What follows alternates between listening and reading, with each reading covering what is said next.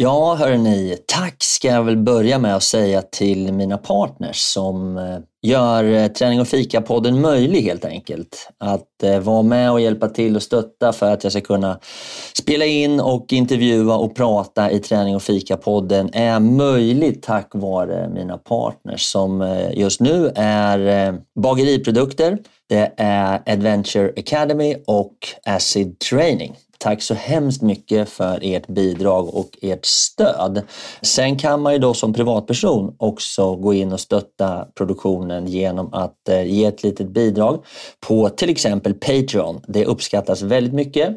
Där kan du välja mellan att köpa en kaffe svart eller lägga lite mer pengar och köpa en kaffelatte och så fortsätta hela vägen upp till en riktigt härlig brunch. Så ja, tveka inte. Gå in och stötta lite. Det behövs och jag blir glad. Tack ska ni ha. Nu kör vi igång!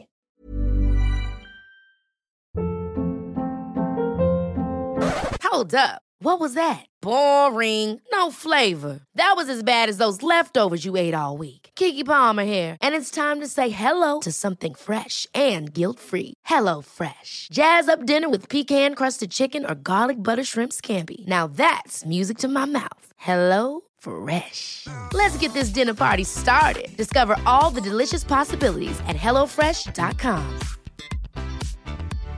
Hi, I'm Daniel, founder of Pretty Litter. Cats and cat owners deserve better than any old fashioned litter. That's why I teamed up with scientists and veterinarians to create Pretty Litter. Its innovative crystal formula has superior odor control and weighs up to 80% less than clay litter. Pretty Litter even monitors health by changing colors to help detect early signs of potential illness. It's the world's smartest kitty litter. Go to prettylitter.com and use code ACAST for 20% off your first order and a free cat toy. Terms and conditions apply. See site for details. Millions of people have lost weight with personalized plans from Noom, like Evan, who can't stand salads and still lost 50 pounds. Salads, generally, for most people, are the easy button, right? For me, that wasn't an option. I never really was a salad guy. That's just not who I am. But Noom worked for me. Get your personalized plan today at Noom.com. Real Noom user compensated to provide their story. In four weeks, the typical Noom user can expect to lose one to two pounds per week. Individual results may vary. Ingen ger sig ut och paddlar kanot på Dalälven när det är eh, högt vatten och snösmältning. Eh, och framförallt inte motströms. Men eh, det våra elever fick göra, det var ju att paddla kanot motströms.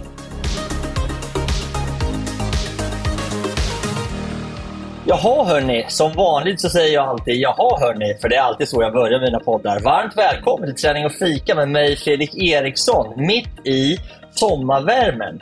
Men hörni, vi ska ta och snacka äventyr och Hellweek idag. Så eh, på med fallskärmen, var beredd att hoppa ut genom flygplanet och ta sats in i en äventyrsavsnitt med mig och Louise.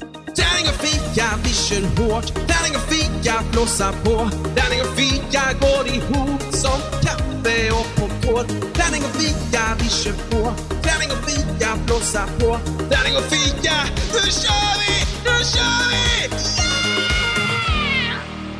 Så där, då har jag fått med mig Louise. Varmt välkommen till podden Louise. Tack så mycket Fredrik. Alltid lika roligt att vara här. ja, tänkte precis fråga, vart håller du hus nu för tiden? Jag vet att du har varit på Gotland. Vart är du nu? Ja, men just nu har jag faktiskt kommit hem. Jag åkte hem häromdagen. Um, vädret började bli bättre uppåt fjälls och vi hade varit en månad på Gotland så det kändes som läge att åka hemåt. Så dottern ville hem och träffa kompisar framför allt. Ja, men du är ju solbränd och fin. Ja, det säger de här uppe. Vi har väl inte haft det bästa vädret uppe till fjälls. Så att de jag har träffat som bor här, de är lite så här, men vad brun du är. Ja, jag har varit på Gotland, det har inte de. Har det varit bra på Gotland? Ja, men det har varit fantastiskt. Ja, en hel månad av strandliv. Um, och chill helt enkelt. Vart, eh, vart eh, på Gotland eh, brukar du hänga? Jag har en liten fiskebod på östra Gotland så alldeles i vattnet. Så där bor vi väldigt enkelt, väldigt nära naturen. Ehm, ja, där har jag varit. Nära Ryssland alltså? Ja, men det är ju det faktiskt. Och det är ju gotlänningarna väldigt medvetna om just nu. Ehm, är det? Att det, ja, men faktiskt, jag tycker mig höra det från många. Att det är, jag ska inte säga oroligt, men man är ju ändå medveten om att man är liksom sista utposten ut mot ut mot Ryssland på Gotland. Och det är inte för inte att det har varit en stor försvarsanläggning, eh, anläggningar Mm. på, på ön. Att, Men du, ja. eh, var det, var det fullt drag med turister och som vanligt på Gotland? High life Ja, eller? ja, men jag tycker nog att det har det. Samtidigt så är det väl lite allmänt en nedgång i, i antalet människor som reser. Eh, om det beror på vad det kan bero på att folk reser utomlands mer efter pandemin eller att det är en konjunkturpåverkan. Jag tror ju tyvärr att det är en konjunkturpåverkan så att färre människor är helt enkelt på semester eller åker iväg på semestern. Vi märker det här uppe i fjällen också. Ja, och sen har det varit ganska dåligt väder ett tag också i Sverige eh, senaste två veckorna, så folk försöker ta sig utomlands i sol och värme också, eller? Ja, men alltså jag undrar hur mycket det där påverkar, just de här spontanresorna. I min, jag är väldigt så, så att jag är spontan av mig men, men, och liksom rör mig efter väder. Men jag tycker att de flesta är så här, de har ju planerat år i förväg exakt vad de ska göra och bokat allting. Så jag vet inte om det där påverkar så himla mycket med just lokalt väderprognosen för just nu. Nej, jag är sån som planerar långt i förväg. Ja, Även fast man inte kan tro det, men det är jag faktiskt. ja det var lite otippat faktiskt. Ja, eh, absolut. Jag, är- jag är den som är reseansvarig. Jag är resedetaljen på, i familjen Eriksson. Jag bokar och betalar och förplanerar och frågar och försöker checka av. Och, och, jag ska gladeligen säga att ungefär hälften, men det är inte mer än 50 procent, blir oftast lite fel. Det blir så här, ja, lite fel i bokningar, hotell och hyrbilar och sådär. Men det brukar lösa sig till slut. Det funkar ändå. Ja. Ja. Ja, jag är nog inte du, så mycket. Jag är ju lite planerare i familjen förvisso, men inte så lång tid i förväg. Jag har varit på väg ner till Frankrike halva sommaren, men det har liksom inte... Vi kollar vädret, vi kollar biljettpriser, vi, vi kollar intresset och så här. Nej, men vi skiter i det till slut. Vart vill ni åka då? Nej, men min äldste son jobbar ju som cykelmekaniker i eh, Morsin i franska alperna. Så eh, jag och yngsta dottern var ju väldigt sugna, eller framförallt jag var väldigt sugen på att åka ner och hälsa på. Men det var ingen som ville följa med. Så då var det ingenting till slut. De ville andra saker alla barn. Nej. Jag har varit i. Mursin på vintern och skidor. Väldigt bra. Väldigt Ja, trevligt ställe. Ja. Och det är Mm. ju Europas största eh, cykelområde, framförallt för downhill. Är det sant? Så det hade ju varit väldigt roligt att komma dit. Men sommaren är inte helt slut. Det finns några, någon liten lucka. Sådär. Så det kanske blir. Ja. Dra! Du har ju cykel Ja. där. Du behöver inte ta med cykel direkt. Äh, men jag har ju inte det. Egentligen borde jag ta med min egen. Men jag tänker att jag kanske inte då. cyklar så många dagar. Jag kanske får hyra en cykel. Att det är som värt att slippa släpa. Det blir som ytterligare ett bökmoment att ta med cykeln. Oliver har ju cykel där såklart. Vet du, då kom jag på en sak. Du sitter ju uppe i, i eh, Funäs, Funäs, eller hur? Va? Fullesdalen. Jag har ju två killar som har tagit på sig rullskidorna och åkt rullskidor från Stockholm upp till Funäsfjällen. Mhm. Med ryggsäck och Är det några sovsäck. som-. Ja. Hör, som bor Jag här? kommer inte ihåg Eller? vad de heter. Nej, nej, det är stockholmare som vill göra en sån här, ett äventyr på rullskidor. Jaha, Så det är det kanske var någon som Och de inspirerade hamnar, ja. Ja, ja, men det De var precis, de sa Sverige. till och med Ja. det. Så de hörde av sig med Ja. frågade om tips och grejer. Och så här. Jag bara, gud vad roligt. Liksom. Så de, eh, jag tror att de är klara faktiskt. Jag håller försöka komma på nu vad de heter, men det är lite borta. Men eh, hur är det där uppe i fjällen nu på sommaren då? Ja, är det är lite full turister i år eller? Nej, men jag, jag tycker nog att det är, det är full fart med folk i byn. Eh, sen Ja. hör jag ju från många att bokningsläget inte är detsamma. Jag har ju mountainbike och yogaläger varje sommar och pandemiåren så var det ju knökfullt på de där. Men i sommar har vi faktiskt ett par platser kvar eh, på Mm. just mountainbike och yoga. Så det är väl inte helt, och vi kör bara ett läger. Eh, Mm. ja, så, så det finns en del att önska på bokning, så det säger många, alltså bokningsfrekvensen. Liksom. Men annars, det är klart det är mycket folk i byn. Kryllar av husbilar och folk och det är fullt på ICA och det är liksom, när det är slut på kundvagnar på ICA då vet man att det är mycket folk i byn. det är ett gott tecken. Mm. Är många som handlar. Är många som handlar. Ja, nej, men jag är på Mallorca faktiskt, eh, där jag brukar tillbringa somrarna. Och här är det ju som vanligt otroligt varmt, sol varenda dag och eh, massa människor. Ja, ah, gud vad härligt. Vad gör, vad gör du Mm. på dagarna då? Är det cykling och rullskidor som gäller? Ja, i princip faktiskt. I morse spelade jag faktiskt paddel hos en kompis som hade en egen finka med två paddelbanor, så då stack vi dit och spelade. De öppnar ju inte padden här i, på Mallis förrän vid nio.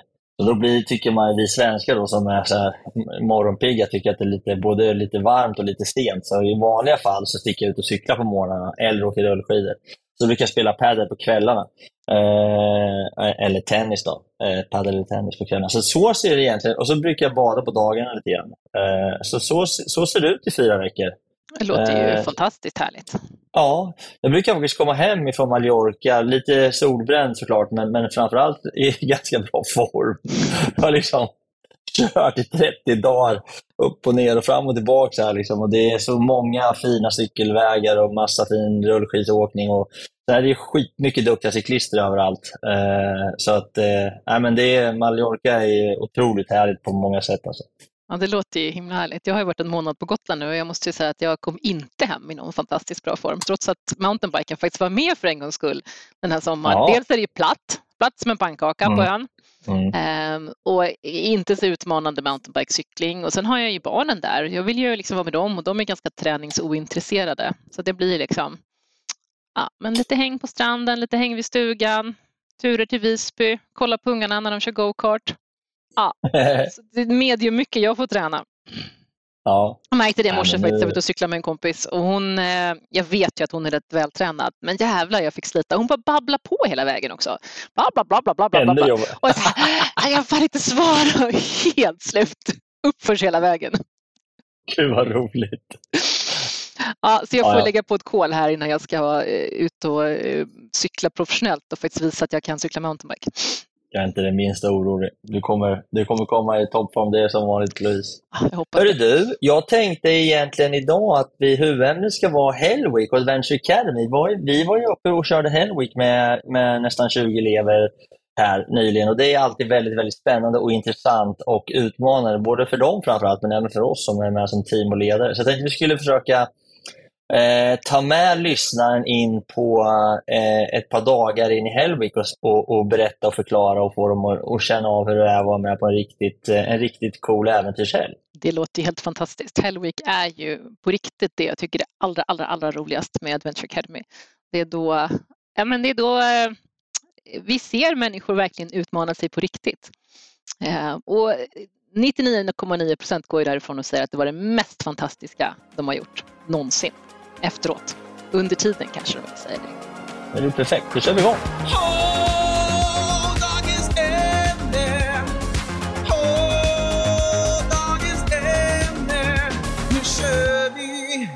Ja, jag tänkte lite kort eh, bara dra en eh, snabb variant av vad Adventure Academy är för er som inte känner till det och det är väl förmodligen de flesta av er. Eh, Adventure Academy startades 2011 och det är en äventyrsutbildning där 20 deltagare per år får möjligheten att eh, utveckla och utbilda sig inom äventyrsmannaskap, skulle man väl kunna säga. Eh, utbildningen är egentligen då upplagd kring projektledning, praktiska kunskaper, skaffa nätverk, jobba med storytelling, sociala medier och sen finns den här delen som vi ska prata om idag, då, Hellwick, som är en, en viktig del i, i hela det här paketet. Eh, vi träffar eleverna efter uttagningsprocessen, så träffar vi eleverna ungefär 7-8 gånger på ett år och det innehåller då allt ifrån klättring till fotofilm, det är lägerliv och det är sjukvård och det är planering och projektledning och eh, massa olika delar som vävs ihop. Och Det här då landar i att vi vill att eleverna ska ta sig ut och göra ett eget äventyr under sommaren. Och Det är det äventyr som eleverna också skickar in som ansökningsmaterial till juryn för att bli antagna. Eh, det här då eh, året på Adventure Academy avslutas med en examinationshelg innan de ska ge sig ut på sina olika sommaräventyr. Och eh, Syftet med den helgen är ju primärt att vi som ledare ska kunna putta ut eleverna lite utanför sin komfortzon i grupp, inte individuellt, utan att gruppen då ska kunna bli lite eh, utmanad och eh, eleverna i gruppen då ska hjälpas åt för att klara den här utmaningen. Och Det här brukar vara, som Louise sa inledningsvis, en av de eh, veckorna på året där vi som ledare får möjlighet att eh, studera och vara med och delta på någonting ganska unikt.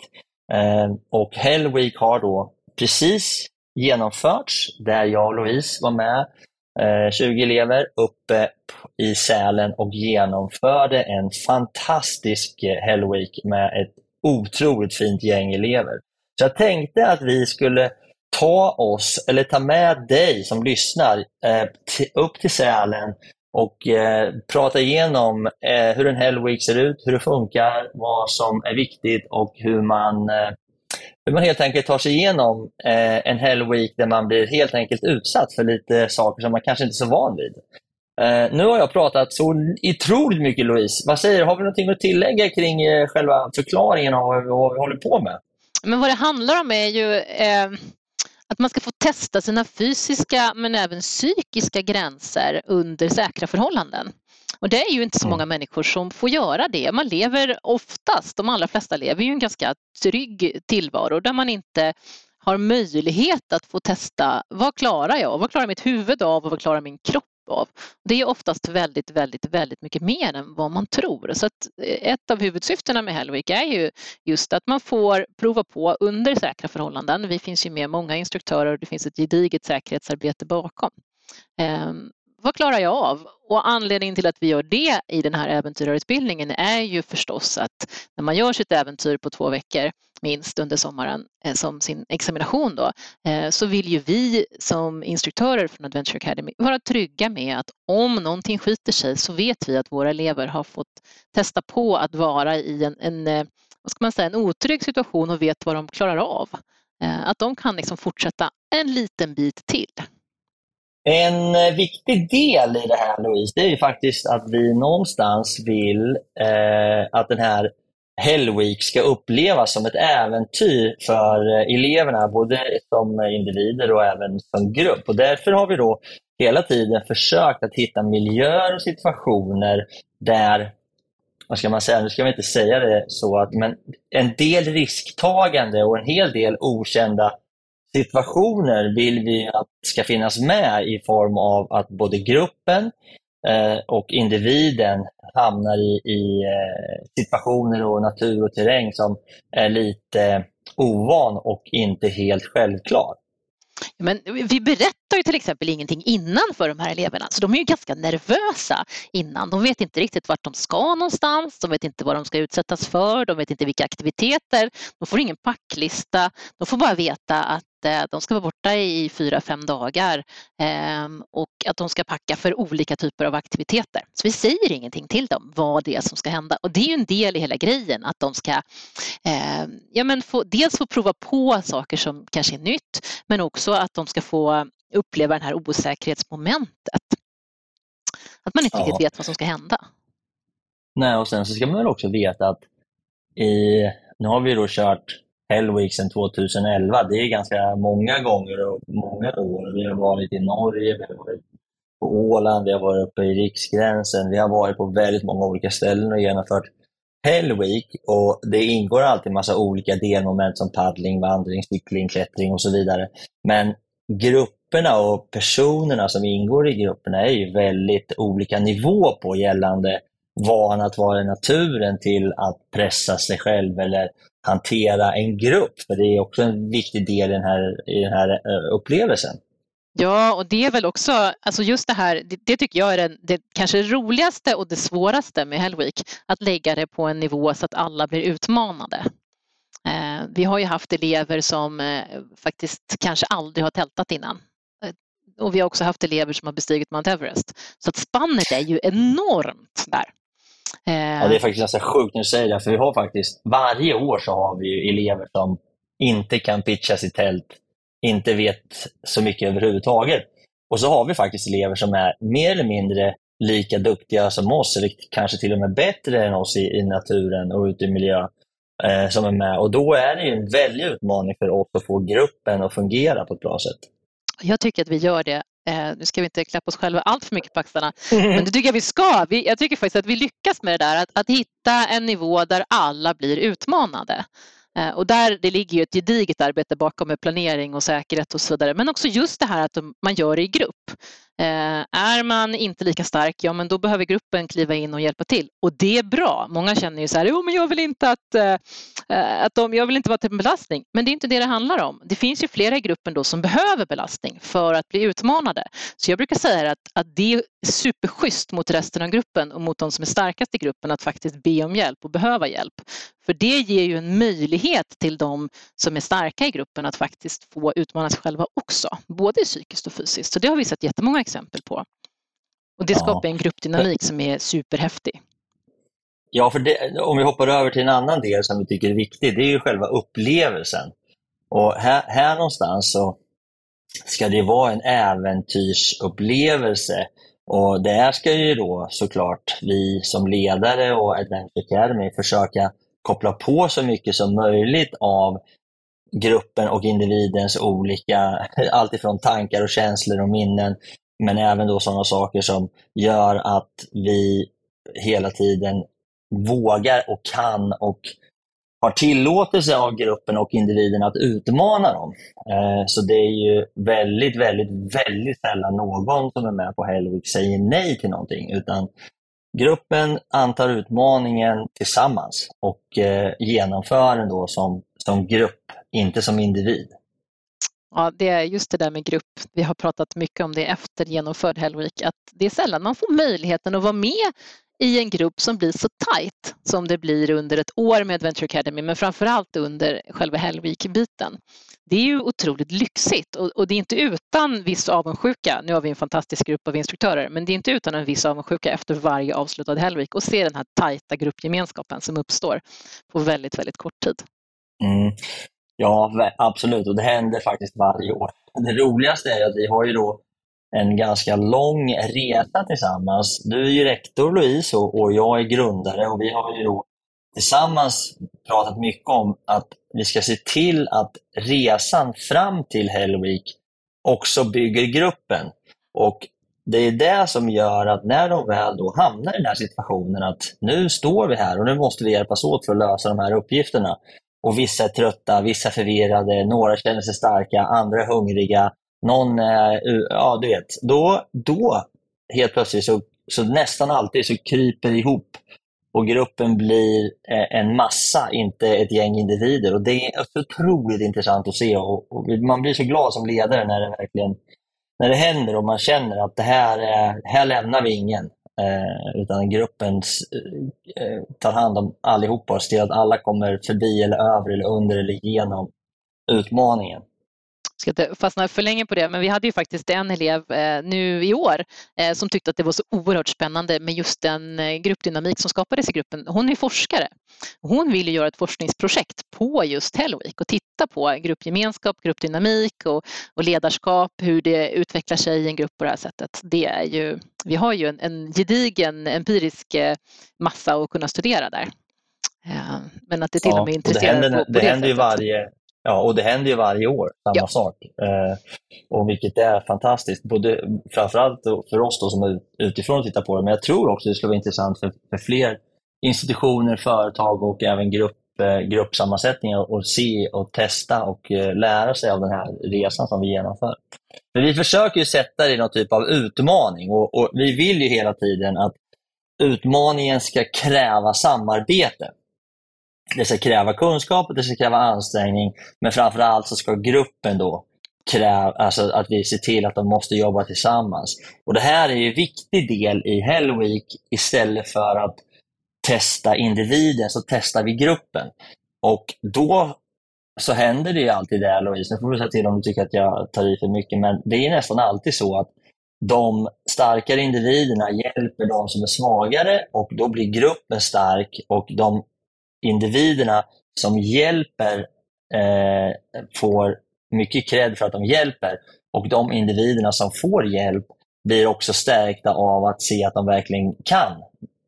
Så det finns så otroligt mycket positiva saker som händer som under den här resan, de här, de här fem, sex dagarna ute i skogen.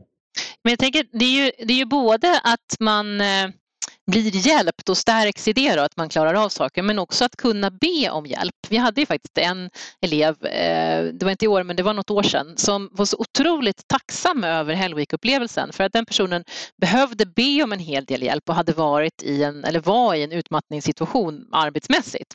Eh, och mm. en av anledningarna till att den här personen hade hamnat i utmattning var just oförmågan att be om hjälp. Och där plötsligt under Hellweek så gick det inte att fortsätta utan att be om hjälp. Eh, så när Hellweek var slut så var den här personen helt faktiskt lyrisk över att just ha lärt sig att kunna be om hjälp och ta emot hjälp på ett sätt som var det var nödvändigt i det läget men det kanske är just när man kommer till extremen och man måste eh, få hjälp och kunna ta emot hjälp som man lär sig att så här, det, här var, eh, det här funkar för mig att, att fungera på det här sättet också. Att, att inte bara ge utan också att ta emot. Eh, så det, och det är en, en lärdom som, som många tar med sig långt utanför äventyrslivet också. Men det blir så otroligt starkt, det blir så tydligt här att, att eh, det går inte om du inte vågar sträcka ut en hand. Vi låter ju nästan frälsta men jag tycker faktiskt att det är bland, men som jag började med att säga, att det är bland de häftigaste upplevelserna jag gör under ett år. Att, eh, och då har jag många andra roliga uppdrag men det här är absolut topp. Eh, att se, se utvecklingen. Jag, Ja, och jag kommer ihåg, eh, eh, i, i, i, ibland så är det så att man ser vissa moment där, där det händer. Jag kommer ihåg i år, när vi, var uppe i Sälen i år och vi var ute på den ja, fjärde dagen, tror jag, vand, det var en vandring och de började bli jätteslitna. Och då hade gruppen bestämt att de skulle gå, de skulle gå 50 minuter tror jag, så vila 10. Och så varannan timme så gjorde de så, varannan timme skulle de gå 55 minuter och vila 5 minuter. Så att de ja, de skulle ha ett, ett visst typ av tempo. Så hade vi varit ute i skogen och gått några timmar och ja, ganska många var lite, halv, lite halvslitna och sådär. Och då kommer vi ut på en, på, på en, utifrån skogen på en grusväg. Eh, och då i, när vi, det här är så intressant egentligen, för att när vi kommer ut då ifrån skogen så är gruppen samlad. Vi kommer ut ur skogen, vi viker av in på grusvägen som går snett uppför. Och helt plötsligt då så blir det en naturlig fartökning av de starka eh, i och med att terrängen blir lättare och det blir bredare, vi kan gå bredare och då helt plötsligt så, så drar ett gäng iväg. Och, och någonstans där då så, så slår också klockan så att det ska vara fem minuters rast. Och helt plötsligt då efter några minuter där så, så liksom, då är gruppen längst fram är ganska säkra på att det är fem minuter och gruppen längst bak tror också att det är fem minuter och sen så finns det några stycken som är i mitten. Och Det här det är så långt emellan oss att vi kan inte skrika på ett riktigt bra sätt, plus att folk är ganska trötta. Så det visar sig då att de här fem minuterna, då uppstår en situation där, där någon har en sten i skon och måste knyta om och göra om lite grejer. Och, och då visar det sig att det är en som är längst bak. Så det här gänget då som är längst fram, de har också en tjej som har problem med en sko som skulle behöva byta en strumpa. Men hon vill inte göra det för att de har bara fem minuter på sig och tycker inte att de hinner det. Men då uppstår då situationen att de där bak tar beslutet av att byta, för, för fötterna är viktigt när man är ute och vandrar. Så de tar beslutet att nej, det får ta den tid det tar. Vi ska byta strumpor och skor här så att vi får till det. Och då är det så långt bort så att gruppen där fram ser ju inte och kan inte ropa och förstår inte vad som händer. Så de står ju där framme och blir förbannade. Liksom. Vad fan, nu har det gått fem minuter, det har gått tio minuter. Och, och Sen ska de gå i kapp och så kommer de dit och då så berättar de att ja, men vi var tvungna att fixa det här. Jaha, var det därför? Ja, men då vill jag också göra det. Och då går det 20 minuter till. Och då, där är en sån här situation där de då inser liksom att vi måste vara tajtare i gruppen för att få det här att funka. För det skapar irritation. Sådana här små saker. Jag tror att det här var, det kanske var tredje dagen någonstans där, men där så såg jag liksom att i, i många i många ansikten så trillar poletten ner liksom att okej, okay, det här funkar inte. Bara genom att några ökade farten så uppstår en situation där vi tappar en halvtimme med rätt mycket frustration och irritation som egentligen är helt onödig. Och Sådana där situationer är ganska spännande att stå bredvid och se hur gruppen reagerar utvecklas och sen bestämmer sig för att prata igenom det här och hitta ett bättre upplägg för att kunna fortsätta framåt. Och det är kul. Ja, men och som du sa nyss, då, det finns ju många ja, men företag och andra organisationer som tittar på vad vi gör under Hellvik. Och det är ju, eh, alltså, visst hade det varit häftigt om man kunde, nu gör vi ju inte det, eh, och det är inte en del i, i liksom Adventure Academy, men just att få uppleva den här typen av Hell Week tillsammans, det gör ju så jävla förlåt nu svor jag, det gör så väldigt, väldigt mycket för en grupp. Ja. ja men, och, och, översätta de här lärdomarna. Vad händer om man är i ett, ett projekt och några springer före eh, och alla är inte med på banan längre? Att kunna uppleva det tillsammans i, i, eh, i den här typen av miljön och sen kunna översätta det till en annan kontext och kunna jobba extremt mycket mer effektivare. Eh, mm. Det är, ju, det är ju väldigt många som reflekterar ja. över det när de är, kommer ut ur Hellwick, så att säga. Att vad mycket man har lärt sig om hur en grupp fungerar i olika kontexter. Ja, verkligen. Och då ska man veta att för att det här ska också uppstå på riktigt så, så har vi då förmånen eller skickligheten eller gjort det många gånger, men, men framförallt har vi fått okej okay ifrån eleverna att utsätta dem för viss typ av utmattning. Så Det gör ju också att när utmattning kombineras med utmaning och äventyr så uppstår situationer som många av dem, precis som du sa Louise, inte är så vana vid och inte ställs inför så ofta. Alltså man hamnar lite grann utanför sin komfortzon. Och det är då det börjar hända saker i, både i kropp och knopp som är spännande och som är utvecklande. Och det här tycker både du och det vet jag Louise, är viktigt för, eh, för en person att få vara med om titt som tätt. Man kan ju faktiskt undra lite grann, vad är det för någonting vi utsätter dem för? Vi skulle ju kunna bara dra, ja, men dra någonting. Alltså, ett exempel på vad vi gjorde, vi, kom, vi var ju i Sälen i år eh, och eh, en av våra instruktörer, Therese, hon bor i Sälen, så hon fick ju höra lite grann om vad byborna sa, eh, vad de såg oss göra. För ett moment, eller faktiskt allra första momentet var att de skulle paddla.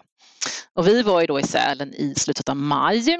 Eh, I slutet av maj så är det ju snösmältning, så det är väldigt, väldigt mycket vatten i älven, Dalälven i det här fallet. Eh, ingen ger sig ut och paddlar kanot på Dalälven när det är eh, högt vatten och snösmältning. Eh, och framförallt inte motströms. Men eh, det våra elever fick göra, det var ju att paddla kanot motströms. Och inte bara det, eh, det allra första de fick göra, för att vi vill ju som instruktörer känna oss trygga med att våra elever, de klarar av att paddla och de har koll på vad som händer. Det var ju lite, eh, ja men lite, vad, heter det, eh, rapids, alltså lite strömt på en del ja, ställen. Ja, mycket strömt var det. Och, och då kan det ju hända faktiskt att man välter med kanoten och då vill ju vi veta att våra elever klarar av det. Så det allra första de fick göra, det var ju faktiskt att öva kamraträddning i kanoten. Det var inte varmt.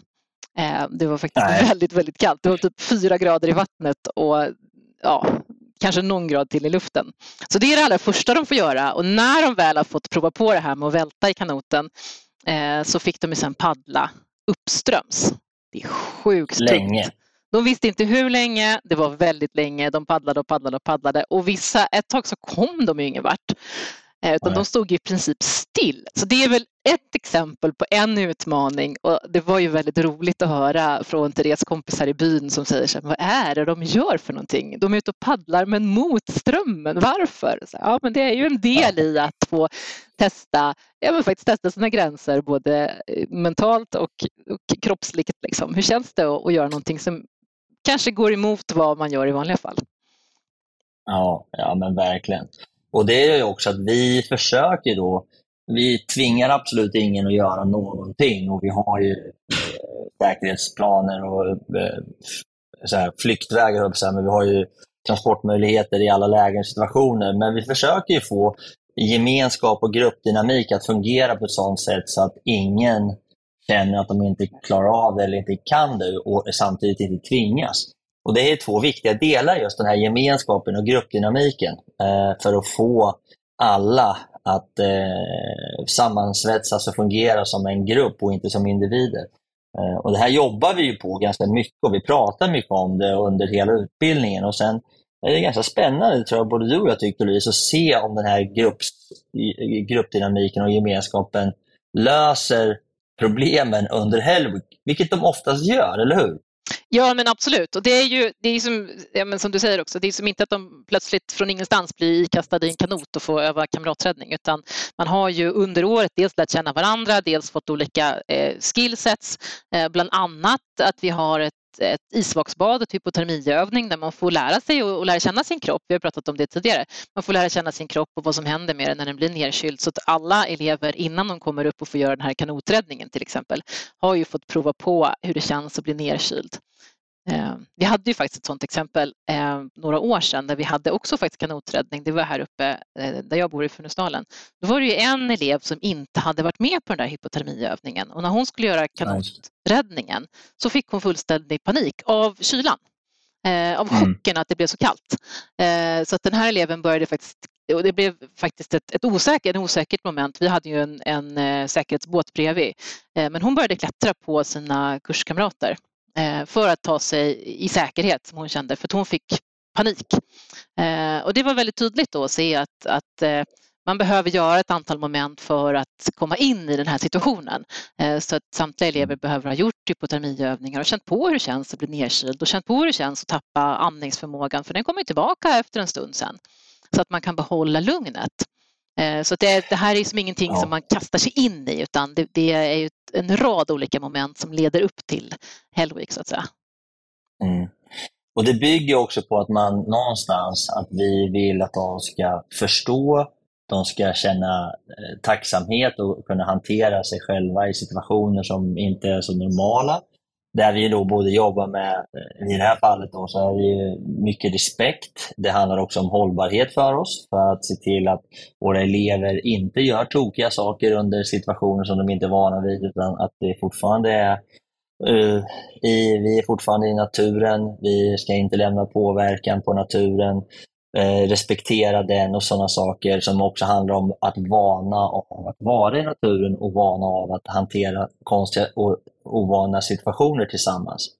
Och där kommer mycket av det här på eh, att, att eh, våga prata, våga lyssna, kommunikation, förstå varandras styrkor och svagheter. Så det är också en del i den här eh, värdegrunden som vi jobbar mycket med inom Adventure Academy som då får utlopp i, i Hellweek, eller hur?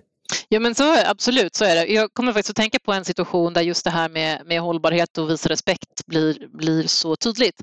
Eh, det var ju också när vi var här uppe i Funäsfjällen och hade Hellweek och sen när vi skulle mötas på ett ställe, vi hade eh, de hade fått en koordinat och där skulle vi göra tältläger. Jag hade varit och rekat där någon vecka innan, att det var ett bra ställe. Och plötsligt när jag och en till av instruktörerna är på väg upp så stöter vi på en stor renjord med många kalvar. Och jag inser ju mm. direkt eh, att här kan vi inte tälta. Det är helt omöjligt. Vi kan inte ens röra oss Nej. genom det här området för att eh, då skulle vi störa, här var tidigt på säsongen, då skulle vi störa eh, renarna och framförallt kalvarna. Blir de rädda så, så kan det hända att vajorna, alltså renmammorna, lämnar sina kalvar. Ehm, så det här vart ju en, en rejäl omgruppering och att vi fick ta oss till ett annat ställe. Det, det, skulle inte ha varit renar i det området, men nu, det var inte det innan, eh, någon vecka innan, men nu hade de flyttat sig dit. Ehm, så mm. det är ju ett, ett, exempel på, som vi också tog upp mycket i gruppen, varför vi eh, förhåller oss på det här sättet och, och hur man ska agera om man, eh, om man hamnar i en sån här situation. Just för att också lära ut liksom, hållbarhetsfrågor så att man kan värna om naturen och, och naturens eh, naturliga invånare så att säga, till exempel mm. renarna. Det har ju också med säkerhet att göra när man rör sig i, eh, i fjällmiljö eller i, i skogs eller havs. Vi har, ju, till, vi har ju kört en hel del ute i norra, norra skärgården i Stockholm som är ett havslandskap med ganska kargt och tufft, speciellt där i, i maj. Och eh, säkerhetsdelen är ju någonting som vi helst inte vill prata så mycket om, men som vi tar otroligt, eh, med, med otroligt stor, eh, eh, alltså stor vikt vid, i och med att vi helst inte vill att eleverna ska märka av att det finns någon, någon säkerhetsplan överhuvudtaget. För den ska inte behöva användas, då har vi lyckats på bästa sätt. Och vi jobbar ju ganska mycket, även om du tycker att det är lite, är lite jobbigare än vad jag tycker, men vi, vi jobbar ju ganska mycket med att försöka få eh, en osäkerhet i, i eh, själva den här leveransen av Hellweek till eleverna. Ju mindre de vet, ju jobbigare tycker de oftast att det är.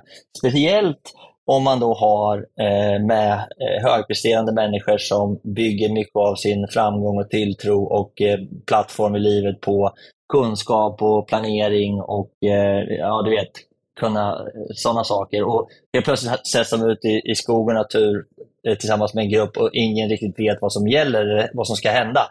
Det är extremt jobbigt för många. Ja, men och det är väl så här, det kan vi skoja om nu då, men, men det är väl vad många säger efter avslutad helg, Fredrik, att en av anledningarna till att det blir så bra, det är att Fredrik levererar så förvirrad information.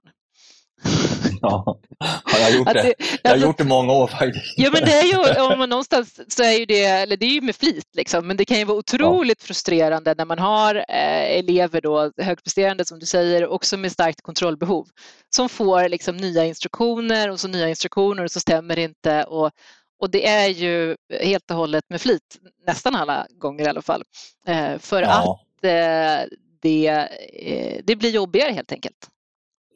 Ja, det precis. Och sen ska man, ja, precis. Och själva genomförandet, det ska man väl också säga då att eh, vi har ju varit, jag har hållit på med det här sedan 2011 och du har ju varit rektor sedan 2000, vad kan det vara? 16, 17, 17 sånt, ja, något sånt där. Och, du, och jag kommer så väl ihåg när vi var, när, eh, ditt, om det var första eller andra året du var rektor, vi var uppe i Funes och körde. Och vi skulle köra Hell Week och du är så här, utbildad och ordningsam och planerande och, och, och jag liksom sa till dig så här, men en viktig del i Hellvik är att eleverna ska känna att det är de som tar sig framåt, inte vi. Och du i god glasstil vill liksom hjälpa till så mycket som möjligt. Och jag sa till dig, liksom, nej för fan Louise, backa hem nu, låt dem få göra det här. Och du bara, vad menar du? De går åt fel håll. Ja, men det är väl lika bra att de får gå åt fel håll. Liksom.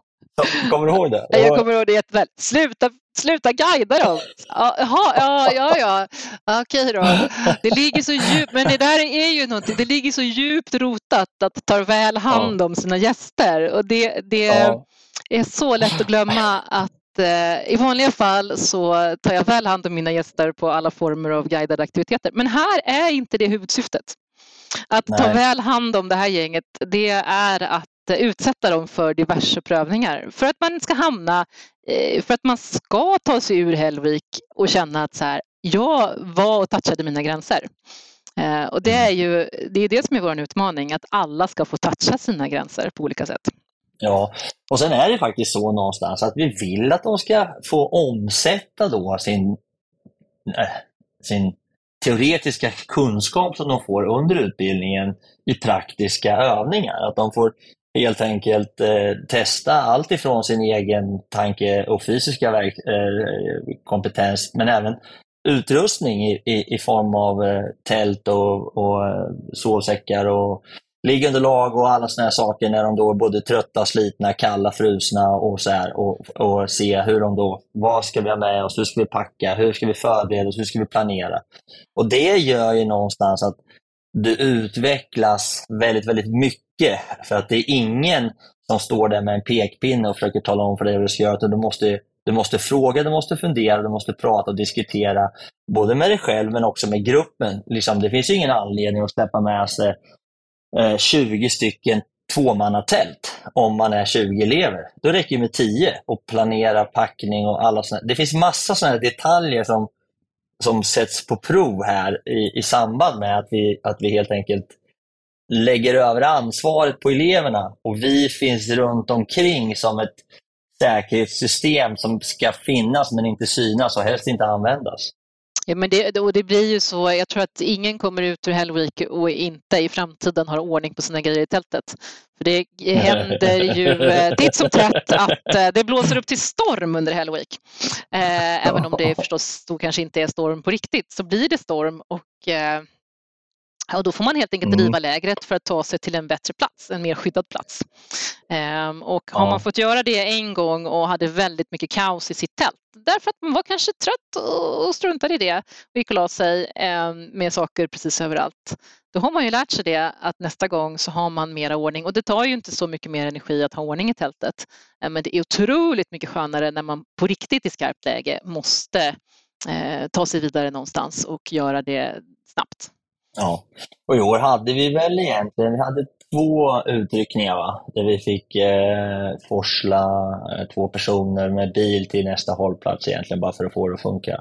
Ja, men, Men i eller hur? övrigt så gick allt bra. Annars gick allting väldigt bra och det, och det är väl Mm. sådana tillfällen som, som eh, vår säkerhetsplan är väldigt skön att ha. Att vi har liksom exitpunkter och plan B och C. Att man kan ta sig, Mm. eh, ta sig ut och ta sig tillbaka. Vi vill ju inte att någon ska lämna helt och hållet men man kan behöva lämna Älvvik för någon timme eller ett par eller hoppa över ett moment för att någonting i kroppen inte funkar helt enkelt. För man kommer ju in i det Mm. med olika förutsättningar eh, och olika man väl säga också att, att eh, Hell Week ingår som, som en obligatorisk del i Adventure Academy. Så det är ett krav från oss att om man ska bli examinerad eh, från, Hell Week, eller från Adventure Academy ska man ha genomfört Hell Week. Det stämmer det. Och det är ju ganska många som är rätt så nervösa innan. Och där eh, känner jag att det en av min uppgifter är ju att eh, faktiskt göra så att man känner sig tillräckligt trygg. Inte vaggas in i någon falsk säkerhet men också men faktiskt att, att det finns en, att att alla ska känna sig peppade och våga, våga vara med och våga utmana sig. Eh, för det spelar faktiskt ingen roll vilken nivå man kommer in i det. Vi har så pass bra, ja, men som vi har sagt, liksom, eh, utan att avslöja alla våra säkerhetstänkande, ehm, att eh, elever med alla olika nivåer klarar av att vara med. Ja, sen är det också så någonstans att vi sitter ju i, i utval, utval, alltså vi sitter ju från början med och väljer vilka elever som blir antagna också, så det är också en viktig del in i Adventure Academy, att de som verkligen blir antagna är peppade och vill göra det och tycker att det ska bli spännande och göra någonting som de inte har gjort förut. Både sitt eget äventyr men också få en del i, i, i Hell Week, så det är viktiga saker för oss. Väldigt. Jaha du Louise, ja, vad ska man, vad ska man, hur ska vi sammanfatta årets elever på årets Hell Week? Det får man väl nästan ge en femma plus. Ja, men det tycker jag faktiskt. Och det som var riktigt häftigt det här året, det brukar ju vara så eh, att det alltid utkristalliserar sig en eller ett par ledare. Men det gjorde det inte det här året och det var någonting vi pratade rätt mycket om efteråt. Att eh, eh den här gruppen vi hade i år, de var eh, de, de ledde tillsammans. Det var ett väldigt tydligt grupp, gruppledarskap. Gruppdynamiken blev eh, unik på så sätt att det inte var någon naturlig ledare i gruppen utan men det funkade ändå. Eh, oftast så brukar det behövas en, en, eh, en ledare, någon som tar på sig direkt eller indirekt ledarrollen, men det hade de inte i år. Och det pratade vi jättemycket om efteråt, eh, varför det var så. Det var lite spännande faktiskt och kul att se att gruppen lyckades både ta sig framåt och leverera och må bra som grupp utan att det var någon som stod och pekade med hela handen. Och vi var ju lite oroliga, för ibland så tyckte jag, tror jag, vi som ledare att det är rätt mycket diskussioner utan att ni kommer fram till någonting. Det tar ju rätt lång tid. Liksom. Men eh, de lyckades ju att leverera och klara av Hell Week på ett alldeles fantastiskt fint sätt. De var dessutom väldigt, väldigt glada själva efteråt. Det var ju en av de finaste, eh, ja, vi fick ju väldigt eh, mycket positiv kritik och, och eleverna var otroligt glada, tacksamma och nöjda för att de hade fått möjligheten att genomföra den här typen av Hell Week tillsammans i, i den här miljön men också i den här gruppen. Det var ju kul. Mm, väldigt roligt. Och så är, men så är det ju faktiskt alltid. Att de kommer ut ur det och säger vilken häftig upplevelse. Det är inte alltid som eleverna, som jag sa förut, det är inte alltid eleverna tycker det under tiden. Och det är inte meningen heller att man ska älska varje sekund av det under pågående utmaning. Men målsättningen är att alla ska älska det de har gått igenom. Efteråt. Ja, helst ska, de, de ska, helst ska de stå på lite branten och känna att det kan gå lite hur som helst. Och, och, och det är ju meningen, annars är det ju liksom bara som åka, på ett van, åka ut i skogen och tälta och det är inte alls det det handlar om. Kommer du ihåg, på tal om att stå på branten, vad vi hade ett år när vi var också här uppe i Funäsfjällen när vi eh, klättrade via Ferrata. Eh, det var ju en Ja. utmaning som hette duga. Det var riktigt, riktigt kallt också slutet av maj och det snöade när vi kom upp på toppen. Och eleverna fick Inte ju, lite. inte det var lite, det var snöstorm. Det var snöstorm. Eleverna fick bära upp sina ryggsäckar upp för den här klätterleden. Mm. och det samarbetsbehovet eh, behovet som uppstod att kunna, de fick ett antal rep med sig, de fick fira upp de här ryggsäckarna och ta sig upp. Och så hade de ju ett par i gruppen som var riktigt, riktigt höjdrädda. Och det var ju också någonting som de fick hantera tillsammans. Och jag tror att jag jobbar ju som guide i, i klättersammanhang också. Och jag har upplevt höjdrädda människor. Men det var inte förrän den här klättringen som jag förstod på riktigt vad det kan innebära att vara väldigt, väldigt, väldigt höjdrädd. Men eh, den personen som var höjdrädd var också väldigt lycklig när, eh, eh, när vi kom upp. Eh, och så Mm. lycklig över att ha, ha gjort det här och ha utsatt sig själv för den här extrema prövningen. Eh, Så det var en, en riktigt häftig upplevelse. När de stod där uppe, vi har ju några bilder på det, när de står tillsammans där uppe i snöstormen. Det ser ut som vinter, men det är ju alltså slutet av maj. Det är vinter. Ja, jo, men årstidsmässigt för en, en vanlig svensk så är det ju... Eh, eh, Men det kommer jag ihåg. Jag kommer ihåg det också så himla tydligt för att då var det så att det var ju flera stycken som var ganska slitna och några stycken som var ganska skärrade och rädda. Och då kliver några stycken fram och tar dem liksom till tältplatsen där de ska hitta en tältplats som ligger i lä. Eh, De får ordning på grejerna och liksom, de hjälps åt som grupp. Det var också ganska fint. Och jag kommer ihåg en annan när vi var i Norge, var du med då när vi hade när vi paddlade nedanför Kärag och vi hamnade mot Klippan hela gänget. Och, Eh, ja, var- jag körde ju ett släp över norska småvägar fyllt med eh, elevernas ryggsäckar just det där tillfället. Så Ja. att jag var ensam på ett Och fjäll med en bil som inte var min. Ja, och då, då var det så att då hade vi ju då, helt plötsligt så sitter jag i en pytteliten motorbåt som kanske, ja, vi var två pers, vi var två pers i båten och en filmkille. Och helt plötsligt så i det här kalla vattnet nedanför klippan där det var ganska stökig sjö så har jag tre elever i vattnet i sina kajaker. Och så har jag då en kajakledare som också lyckas välta. Så då hade jag fyra personer i vattnet och jag fick max in tre personer i båten. Så jag fick ju be en elev som var starkast att hänga utanför båten när vi körde in eleverna till land. Alltså det var helt cirkus. Men det gick ju bra också. Det har, hänt- men det har hänt en del saker under årens lopp. Det är nästan så vi skulle ha ett avsnitt bara för Hellweek-anekdoter. Kanske bjuda Ja, in det en från varje år och prata Hellweek-anekdoter. För det har, hänt, det har hänt en hel del eh, roliga grejer och det går alltid bra till slut. Och det är väl tack vare att vi faktiskt har en gedigen säkerhetsplan. Eh, Ja, faktiskt. Men, men det var ju kul också när vi hade 10-årsjubileum och, och det kom från alla klasser och var där. Och, och det såg man ju så mycket tacksamhet och glädje och inspiration och många har liksom starka minnen och sånt där från, från Adventure Academy och Hellvik, så det var ju kul. Det var väl då de slängde både dig och mig i vattnet, var det inte det? Ja, och Erik Ahlström var där och fotade både dig och mig i trosor och kalsonger och fan och Ja, det var väl han som Erik. uppviglade alla och kastade, Ja. kastade i oss i vattnet också.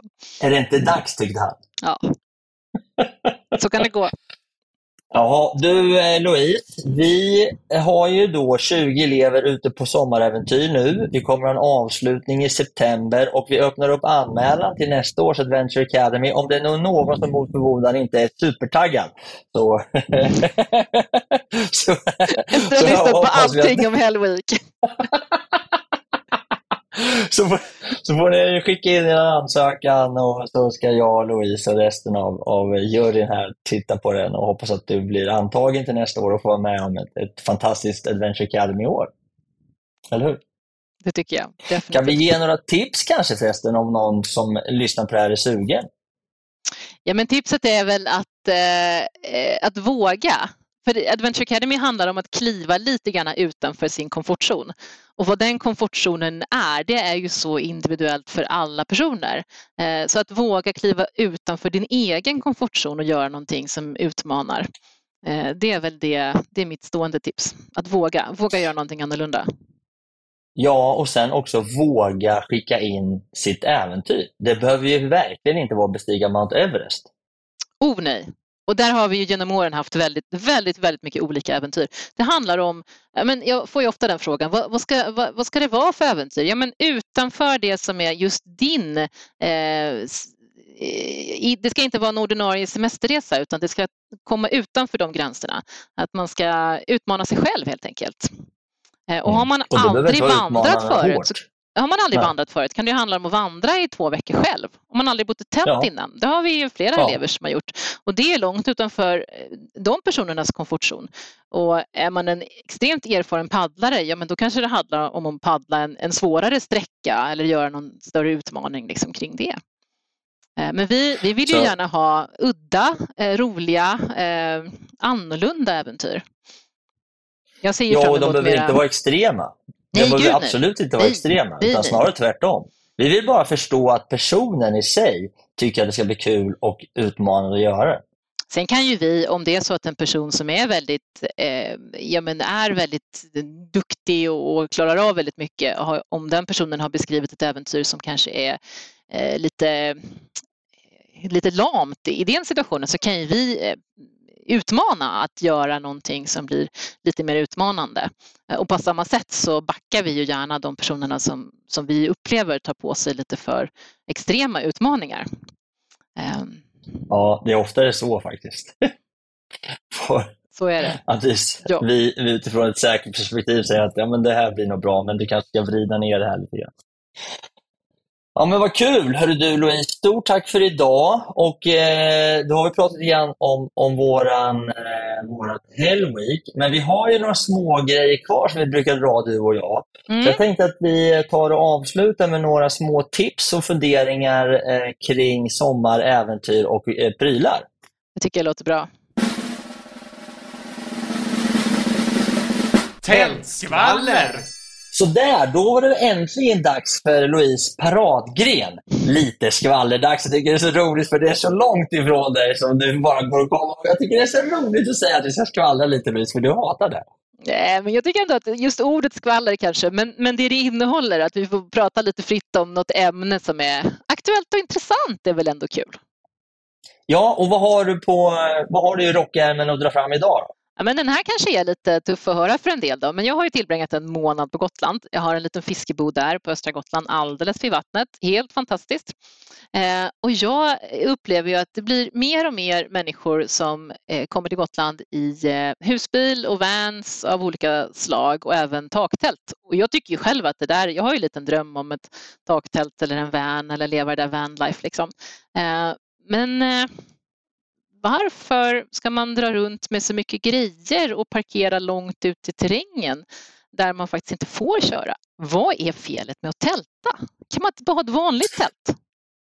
Där man du menar att det är så mycket, Ja, det, det, är så mycket vanlife så att det blir liksom ett problem i miljön? Ja, men lite så faktiskt. Vi har ju eh, vans och husbilar, stora så åbäken till husbilar som kommer och kör ut i vårt fiskeläge som står liksom, de ställer sig tre meter utanför vårt hus. Eh, och det är så här, nu drar jag ju alla över en kam vilket verkligen inte är så schysst. Men taktältare som kör långt ut i terrängen för man hittar någon liten stig någonstans och så har man en terränggående bil och så tycker man så här, men här är det fint för jag vill ju ha schyssta Instagrambilder eh, och fota ifrån mitt taktält. Men där får man ju inte stå. Och inte bara att man inte får utan man förstör ju faktiskt en hel del. Eh, men du får fråga en sak då. Är det så att du får, du får ta ditt tält i ryggsäcken och gå ut och tälta där men du får inte ställa bilen där? Precis. Terrängkörningslagen gäller för alla fordon eh, och eh, man får inte köra på annat än en väg helt enkelt.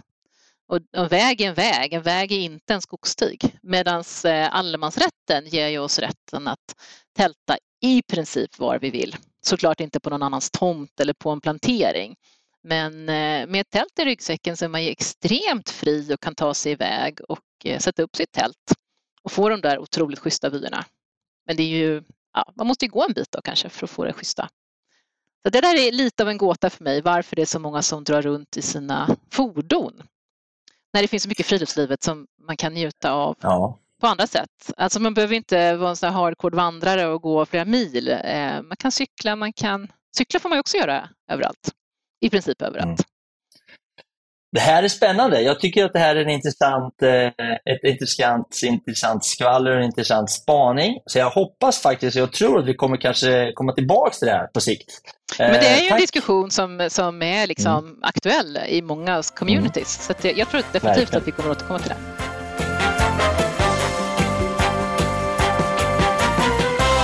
Utetips. Då var det dags för vår lilla punkt som vi brukar kalla för veckans utetips. Och idag så tänkte jag ställa frågan, för jag vet att Louise har testat olika ryggsäckar. Och framförallt har du väl kört en sån här lättviktsryggsäck som funkar sådär om jag förstår det rätt, eller? Ja, men alltså jag eh, attraheras ju lite av den här lättviktstrenden för att eh, ja, men knän och höfter funkar inte riktigt lika bra som de gjorde när jag var 20. Så jag behöver helt enkelt lätt lätta på packvikten. Ehm, så eh, då tänkte jag att ja, men ryggsäcken den kan jag ju faktiskt köpa en lättare. Den jag har idag den är lite för stor. Jag har liksom burit ungarnas grejer men nu är inte de ute med mig längre på det sättet. Ehm, så jag beställde hem en eh, sån här superlätt ryggsäck som skulle vara en av de allra bästa. Skitdyr, nästan 5000 spänn. Och oh, herregud! Nu, nu har jag inte testat den eh, skarpt men jag tycker inte den känns eh, riktigt, riktigt bra faktiskt. Eh, lite väl fladdrig och sladdrig och det är väl det de ska vara. Så att, eh, jag har väl själv en resa att göra, kanske. Men mitt tips här då är att kolla över vad man har hemma för att jag rotade runt bland mina ryggsäckar och hittade någon faktiskt som var rätt så snarlik som kommer att funka alldeles utmärkt. Ehm, så tipset här är väl att det blir inte för extrem utan se efter vad man har eller kan låna ihop innan man köper någonting alldeles för dyrt. Så den där, den åker i retur. Det, ja ja, men det finns ju faktiskt ett helt community, society som är så här lättviks, eh, lättviktsjagare, gram, gramjagare. Vi har ju under årens lopp här både haft lärare och elever som har varit väldigt extrema och jagat varje gram på alla prylar, ifrån, ända från skor till hjälmar. Liksom. Och, och ryggsäcken blir faktiskt en av de tydligaste delarna där man ju mer man karvar bort i vikt, ju sämre komfort får man. Och det blir man ju inte varse förrän efter ett par dagar när man är ute egentligen och får känna hur jobbigt det är när det inte sitter som det ska och det är tungt. Ja men eller hur, och för min del så handlar det framförallt om att hur mycket jag än äter så är jag fortfarande ganska benig om höfterna. Jag får ju rejäla med skav faktiskt. Jag behöver ha en ryggsäck med rejält med padding kring, eh, kring höftbenen, annars får jag ont helt enkelt. Jag har jobbat mycket på den här ja. naturliga paddingen och käka fett och kakor men det går inte så bra. Det blir liksom inget. jag har det. Ja, inte efter den här sommaren med rullskidåkning genom Sverige va? eller Europa. Ja, men jag, jag, ja, jag kan tycka att den, den där diskussionen, är, och jag sitter själv i den här precis funderingen Louise, för att jag ska köra den här örnmarschen med Linda. Just det, just och då ska vi ha vad det, 20 plus kilo i ryggsäcken och då blir det extremt tydligt att har du en ryggsäck som är för lätt eller för dåligt vadderad eller för dåligt uppbyggd så slår det tillbaks i form av eh, att det blir obekvämt. Definitivt. Ska man bära så tungt, min plan är ju att inte bära så tungt utan helt enkelt slimma ner det mesta jag har i ryggsäcken och då funkar det med en lättare ryggsäck. Men man behöver inte gå till extremer där kan jag känna. Ja, men vad bra. Vi spanar vidare på ryggsäckar. Det gör vi. Veckans fråga! Du måste våga ställa veckans fråga. Veckans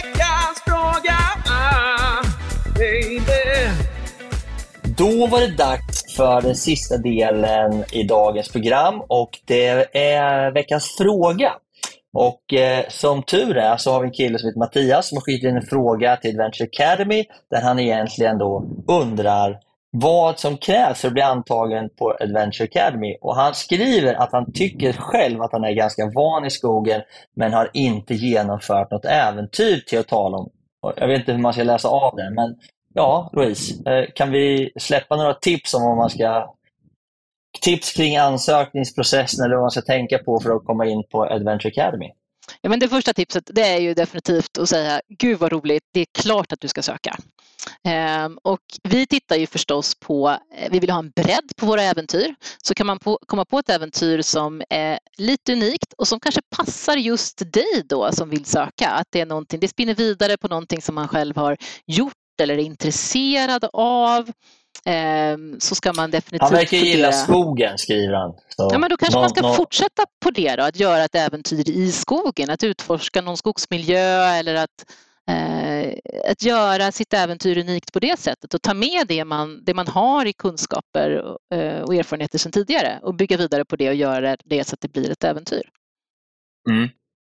Jag brukar säga att Adventure Academy passar för nästan alla. Det har vi varit inne på när vi pratar Hellweek, att både den som mm. aldrig har sovit i tält eller pitchat ett tält och den som har gjort ganska extrema äventyr eh, passar faktiskt. Och vi är med många års erfarenhet duktiga på att göra ett upplägg så att alla blir utmanade på sin nivå. Det är bra. Ja, hoppas att Mattias fick lite svar där. Fortsätt att hitta på någonting i skogen så Louise lovar att hjälpa till. Och vi har ganska mycket duktiga mentorer som kan vara bollplank för att både jämna till, utveckla och driva framåt. Eh, så alla elever får ju faktiskt en varsin mentor som man har under resan och planeringsfasen, så det är ganska bra också.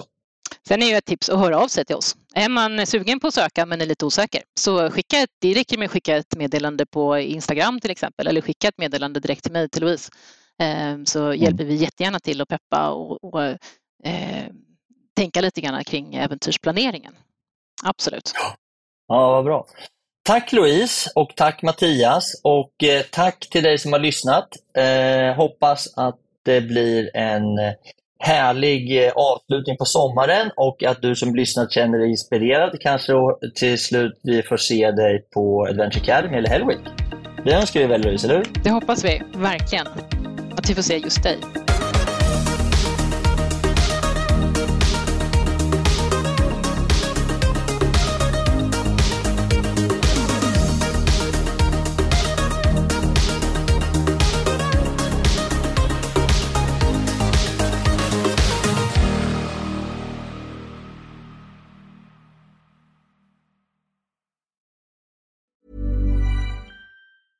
Ever catch yourself eating the same flavorless dinner three days in a row? Dreaming of something better? Well, HelloFresh is your guilt-free dream come true, baby. It's me, Gigi Palmer. Let's wake up those taste buds with hot, juicy pecan-crusted chicken or garlic butter shrimp scampi. Mm. Hello Fresh. Stop dreaming of all the delicious possibilities and dig in at HelloFresh.com. Let's get this dinner party started. Imagine the softest sheets you've ever felt. Now imagine them getting even softer over time. That's what you'll feel with Bowl and Branch's organic cotton sheets. In a recent customer survey, 96% replied that Bowl and Branch sheets get softer with every wash. Start getting your best night's sleep in these sheets that get softer and softer for years to come. Try their sheets with a 30-night guarantee. Plus, get 15% off your first order at bowlandbranch.com. Code BUTTERY. Exclusions apply. See site for details. Even when we're on a budget, we still deserve nice things. Quince is a place to scoop up stunning high-end goods for 50 to 80% less than similar brands. They have buttery soft cashmere sweaters starting at $50, luxurious Italian leather bags, and so much more. Plus, Quince only works with factories that use safe, ethical, and responsible manufacturing. Get the high-end goods you'll love without the high price tag with Quince. Go to quince.com/style for free shipping and 365-day returns. Det var allt för den här gången hörni och jag tänkte avsluta lite kort med att återigen tacka mina fantastiska partners och sponsorer som är Bageriprodukter, Acid Training och Adventure Academy. Och eh, återigen, har du en krona över eller är helt enkelt sugen på att bjuda på en kaffekopp så gå in på min Patreon och eh, köp en kaffe, en kaffelatte eller en hel brunch så kan jag fortsätta spela in podden, producera nya härliga avsnitt och eh, fortsätta att underhålla dig. Hoppas du har haft en fin lyssning och att vi snart hörs igen. Tack så mycket. Hej då!